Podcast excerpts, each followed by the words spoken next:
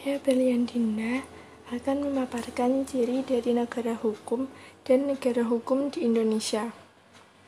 Ciri-ciri negara hukum yang pertama, terdapat sebuah bentuk dari perlindungan yang di mana akan berbentuk sebuah pengakuan terhadap hak asasi manusia atau yang disebut dengan HAM. Yang kedua, memiliki sebuah bentuk dari sistem peradilan yang terdapat pada negara tersebut dengan keadaan bebas dan juga tidak akan melakukan pemihakan terhadap berbagai macam pihak yang ada. Yang ketiga, terdapat sebuah legalitas yang berada di dalam arti dari hukum itu sendiri. Yang keempat, pada sebuah kekuasaan yang terdapat pada negara telah sesuai dengan hukum yang ada. Yang terakhir, terdapat sebuah bentuk dari tuntutan untuk melakukan pembagian dari sebuah kekuasaan yang terdapat pada sebuah negara. Berikutnya, negara hukum di Indonesia.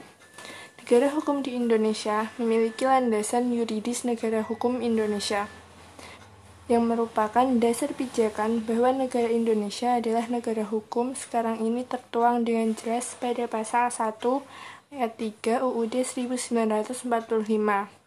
Negara Indonesia adalah negara hukum.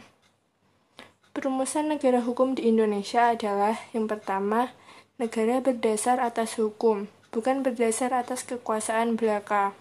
Yang kedua, pemerintah negara berdasar atas suatu konstitusi dengan kekuasaan pemerintahan terbatas, tidak absolut.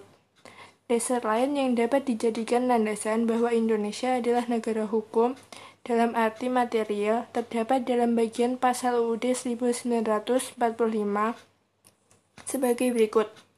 Yang pertama pada bab 14 tentang perekonomian negara dan kesejahteraan sosial pasal 33 dan 34 UUD 1945 yang menegaskan bahwa negara turut aktif dan bertanggung jawab atas perekonomian negara dan kesejahteraan rakyat.